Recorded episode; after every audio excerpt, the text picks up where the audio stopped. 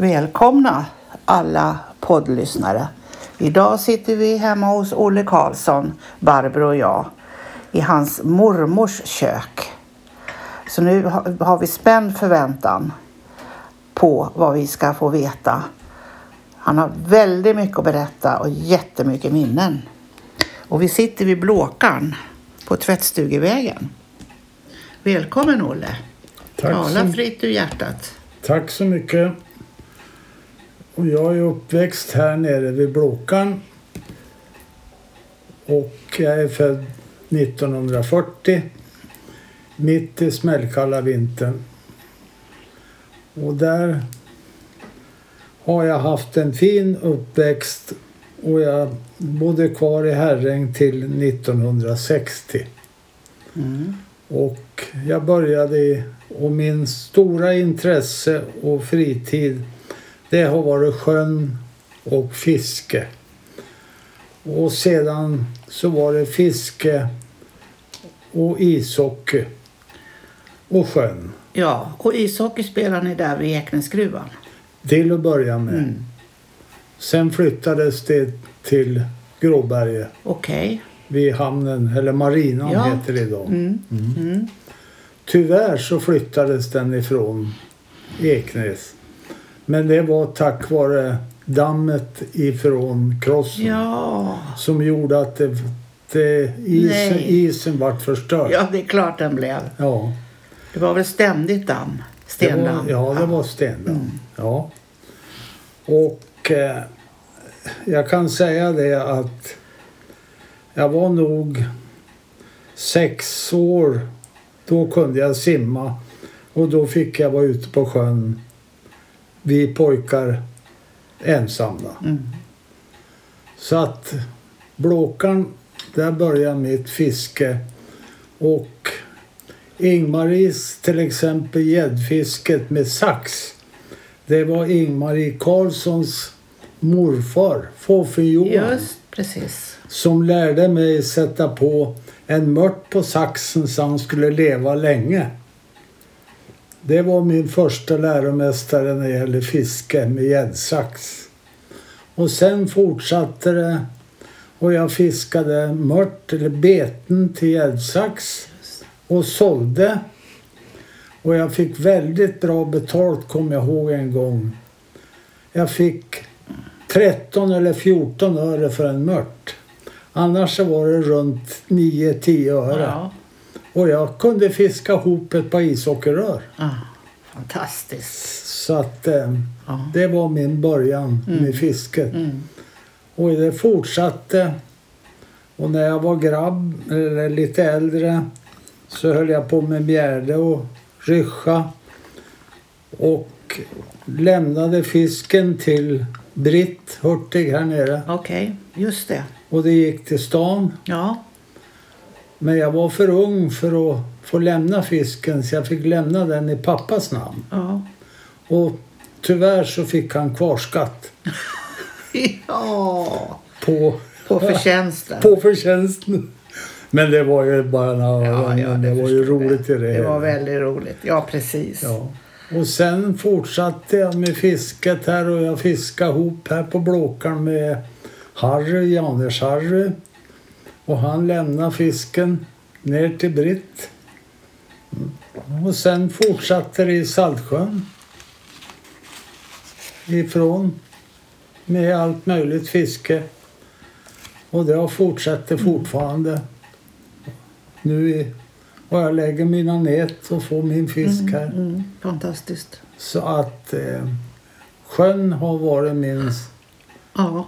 det har varit min stora intresse under alla år. Det förstod jag när vi var i fiskodlingshuset så berättade ju du om fiskevårdsföreningens arbete med varmt hjärta. Ja, Så vi fick ta del av det och så.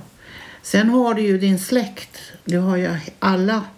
Du berättade ju alldeles nyss hur du kunde sitta i soffan och lyssna ja, när de äldre berättade och Ja. pratade om gamla tider. ja. Jag har ju haft tur att bott här med granne med mormor och hennes barn och, och alla andra. Och mormor härstammar från Singö Och det är så mycket historia jag har ifrån Singö. Eller berättas om släkten på Singö. Och likadant mina morbröder och mina farbröder. Det var också till exempel min pappa och hans far. Det var ju sjömaskinister allihopa. Det var ju sjöfolk. Det var det. Ja. Mm. Och likadant var det på mormors sida.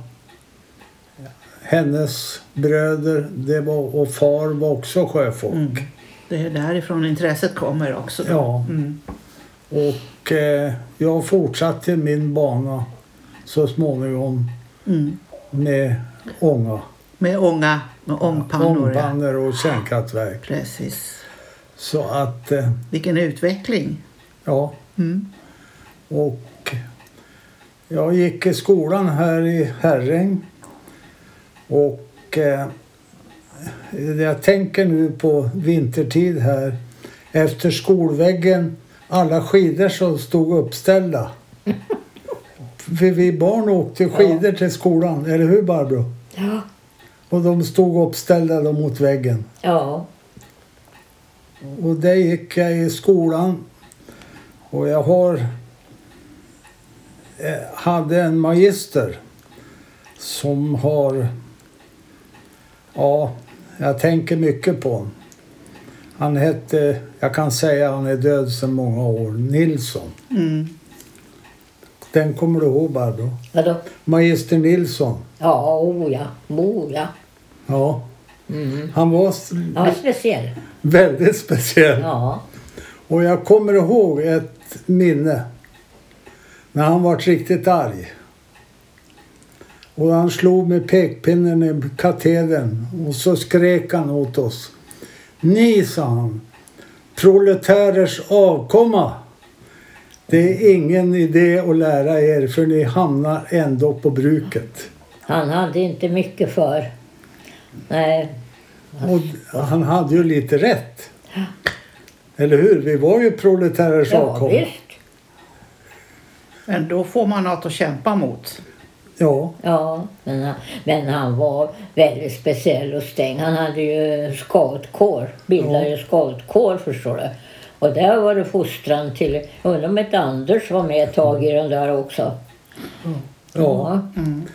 Men eh, samtidigt så fanns det eh, väldigt mycket gott om Nilsson också för han var väldigt naturintresserad. Mm. Och vi fick lära och vi var på mycket utflykter ner mot Norrängen och Mm. allt möjligt.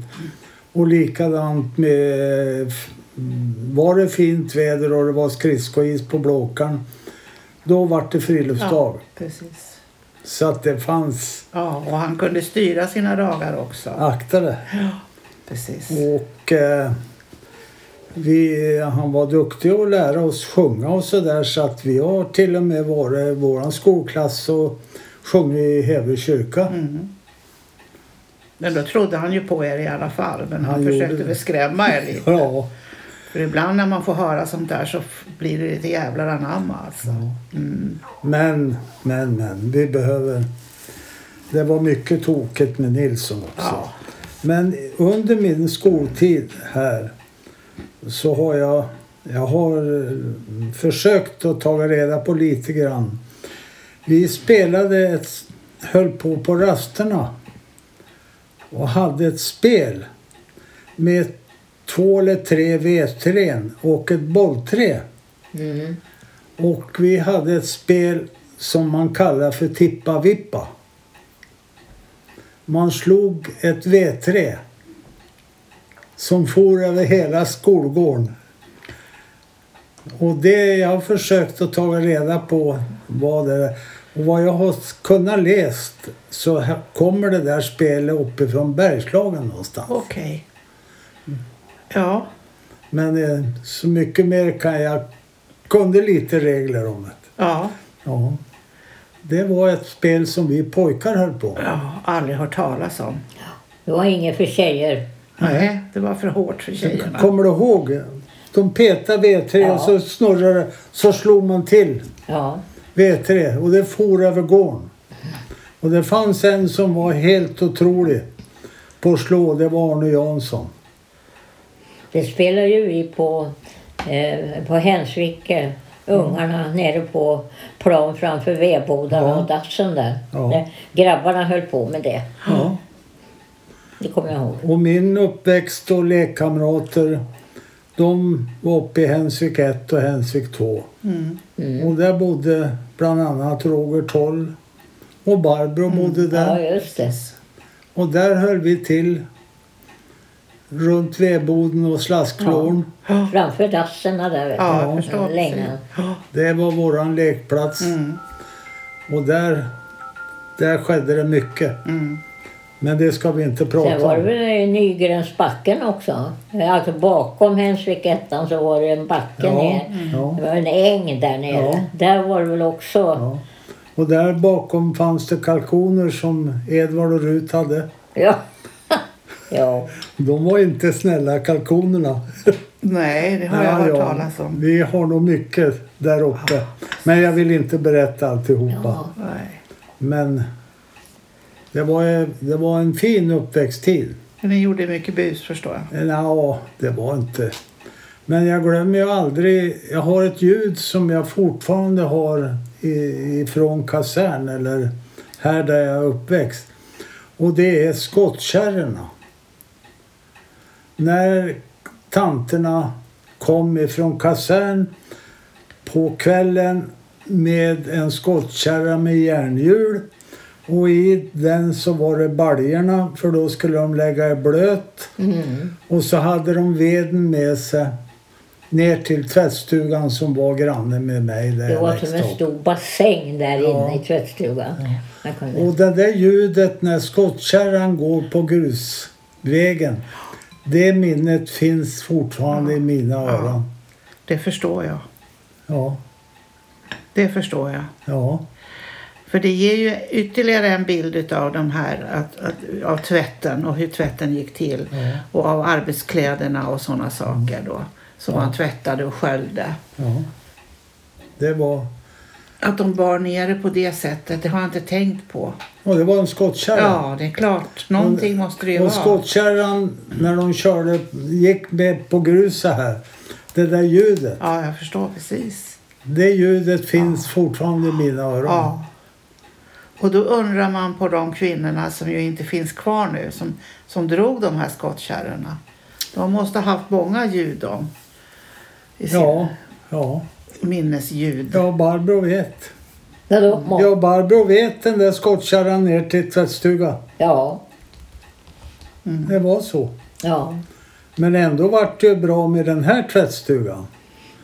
Tänk eh, när innan tvättstugan kom inte till än från 39-40. Innan Nej, just så det. var det grytorna bara en 200 meter upp här. Och gångstigen över upp förbi Edvard. Ja, det fanns ju eh, tvättstugan på vägen upp till udden. På vänster sida på åkern där. Ja. Där var det en tvättstuga. Ja, och så var det en nere vid Lillblåkan. Ja, just det. Bakom nedanför vid tvättstugan nedanför gruvfogdens. Ja, Eller Men före det tvättar man i, i, i grytor alltså? Ja. Ute? Ja, den, den eh, platsen var här.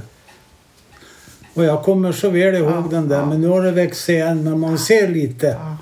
utav den. Det där Mm. kommer jag ihåg precis. ja, och då var det ju det enda tillfället för, för tanternas barn att få bada ordentligt rena. Så, så att eh, när det var klart i tvättstugan så eh, skurades ungarna. Ja. Ja, Två pannmurar var det. ja fast. just det. Mm, precis. Jaha. Det var min... Ja, och då tvättar man med lut. Eller hur? Ja, ja, ja. Precis. Ja. Och, eh, men det gjorde man väl inte varje dag. För vad vi har diskuterat eller pratat om det är de här arbetskläderna. Vem stod för de som arbetar i gruvan? ja i, i Vem bruk. var det som var ansvarig och såg till att de hade arbetskläder? Ja, det var de själva. Ja, precis. Det fanns inga... Nej. Det kom till, skulle jag tro, här på bruket. Kanske eh, början på 50-talet. Då fick arbetarna här om det var en eller två handdukar. Och sedan så fick de en tvål som hette Aisa. Mm. Och jag har en sån där handduk kvar. Det förstår jag Ja. att du har. Och, Ja. och det vi ska komma ihåg alltså att det här så kallade saniteten. Det här gröna huset nu som ligger i korsningen här uppe. Mm. Det kom alltså till på fem, början på 50-talet. Ja. Innan så åkte gubbarna hem och tvättade sig hemma Ja. i köket. Ja, just det, i ett handfat. Ja. Mm. Jag kommer ihåg att utanför våran dörr in till lägenheten i, i Hensvik så hade mamma en kommod. Ja. Ja, det, man fällde upp ett lock så här och så hade man handfat där och så hade man en lucka. Just det, en dörr som man öppnade och där slog man gamla vattnet och så skulle jag skriva en, skulle vi skriva en uppsats om hur det såg ut hemma. Fröken ville väl veta det. Då kunde inte jag stava till kommod så det blev konbod. Så hon frågade om vi möjligen hade mjöl där eller sed. Och jag tyckte hon var så dum som inte fattade så jag började grina. Hon fick aldrig reda på vad det var. Nej, precis. För jag berättade det aldrig. Nej. Sen, va? ja. Och hon Ja. kunde ju inte förstå vad det var. Nej. Ja, men det, det var ju det man hade då. Man hade en kommod. Mm. ja. En sån. Ja. Som och står här i köket. under och så fick pappa gå ut med vattnet. Ja. Och kom han in med nytt vatten. Och, Precis. Ja. ja. Ja. Ja, när jag hade slutat skolan, när jag var 15, då började jag, som Nilsson sa, på bruket. Mm. Han hade ju rätt. Mm. Och då började jag först lite grann i ångcentralen där och gjorde pannrent och sånt. Och lite av varje. Sen vart jag smedhalva nere hos Tage Ja. Gustafsson. Och där var jag väl några år. Och sen fick jag komma upp på mekaniska verkstaden. Och var med på reparationer Mm. på de flesta ställena i bruket. Mm. Och i krossen så var det reparationer. Och på krossen där var det reparationerna på nätterna. Okej. Och i hyttan var det på kransen i högst upp Ja, till exempel. ja, ja. Ofta reparationer. Och en sak som när man var i runt Masugn och de där platserna så har jag ett minne vad basen sa. Att när ni är där uppe, sa han, ja under, börjar det smaka sött i mun då ska ni gå ut. För då höll man på att bli koloxidförgiftad. Just. Så tecknet var att om det började smaka sött då var det risk, då skulle man gå ut. Råkade du ut för det någon gång? Nej, inte vad jag kan komma ihåg. Nej. Det var nog inte, det var väl någon, ja det hände att någon vart ihjälgasad Mm. på här. att det hände. så att, eh, men annars så var det, men eh, så jag kommer ihåg det mesta ifrån bruket hur det såg ut. Mm. Och likadant hamnen. Ja, och det är ju väldigt intressant att få höra det. Ja. Och jag tänker ofta på till exempel nu de här eh, till exempel nu tidigare när det var järnlastning. Då gick det en tralla uppifrån järngården. Som en gubbe stod längst bak och bromsa. För det var nedförsbacke hela vägen Ja. ut på kajen. Och där... Och när du pratar om arbetskläder Mm. så vet jag min morbror Tore, han var till sjöss va? men så var han väl ledig hemma här emellan. Mm. Och då fick de rycka in vid kajen om det kom något speciellt. Mm. Där, det var väl han Pettersson Johans pappa. Eh, och sa det, kan du komma imorgon för det är järn... Kan du komma ner till kajen, det, det blir jobb där. Ja, det kan jag göra. Så, men då sa basen åt den så här. Ta, ta med dig handskar för det är järnlastning. Ja, Man plockar alltså tackjärnet. precis. Så han skulle ta med sig handskar för det var vasst ja, ja, det är klart att det var. Men egna handskar fick man hålla. Ja. Men det var då. Mm. Och sen kommer jag ihåg då alla de här bogserbåtarna Mm. och alla pråmarna. Och tyvärr så vart jag aldrig pråmpojke. Nej, det är många Äringspojkar som har Ja, varit alla, det. de, många vart Ja, pråmpojkar ett tag. Och sen kommer jag ihåg då när de här holländska båtarna började komma med koks. Och, men då finns en annan historia men den... Det kan ju vara lite speciellt. Jag kommer ihåg att det var en grabb som hade varit nere vid sjön Mm. och sett att på en av de holländska båtarna så var det en, man får inte säga neger idag, färgad. Ja. Ja. Han kom och skrek här vid kasern att det var en sån ombord på en båt. Jag hade aldrig sett en färja. Och vi, ett helt gäng. Jag kommer ihåg, vi satt en sex, sju grabbar. Jag ser stenmuren kvar vid Kockskajen där. Ja. Vi satt uppradade och råkade få se den där. Han vinkade åt oss. Det- Vilken upplevelse. ja, jag förstår precis. Ja, det är lite grann från min barndom. Mm. Sen fortsatte jag på bruket och jobba. Tills jag var, gjorde rekryten Mm. och sen jobbade väl någon månad efteråt. Sen så var vi fyra grabbar härifrån Herräng och Bergby som åkte till Kallhäll och fick jobb. Så vi var fyra grabbar härifrån Herräng som började på en firma som heter Maskinverken. Mm. Och då var Roger med. Ro- Nej. Inte Roger Torr, han hörde ju också till. Ja, men han jobbar på Kodak. Okej. Men det var jag, Olle Westlund, Janne Lindblad och en kille som heter Oskarsson från Bergby. Mm. Så vi var fyra grabbar och vi fick jobb och fick lära oss. Bostad. Ja, vi bodde ett antal grabbar i ett antal rum där. Ja, just det. Vi bodde ju tillsammans Ja, såklart. klart. Inte hade man Nej, eget. nej, nej. Varför skulle vi ha det? Nej, precis. Nej. Och det var ju andra grabbar också från andra platser. Och där fick vi lära oss svetsa ordentligt. Och sen var det iväg ut Mm. på olika montageplatser. Mm. Men jag vart aldrig någon bra svetsare. Nähä. Nej, jag vart montageledare. Ja. ja, du har ju visat hur många arbetsplatser du har varit Ja. på. Och sen fortsatte jag som montageledare Mm. på ett antal. Mm.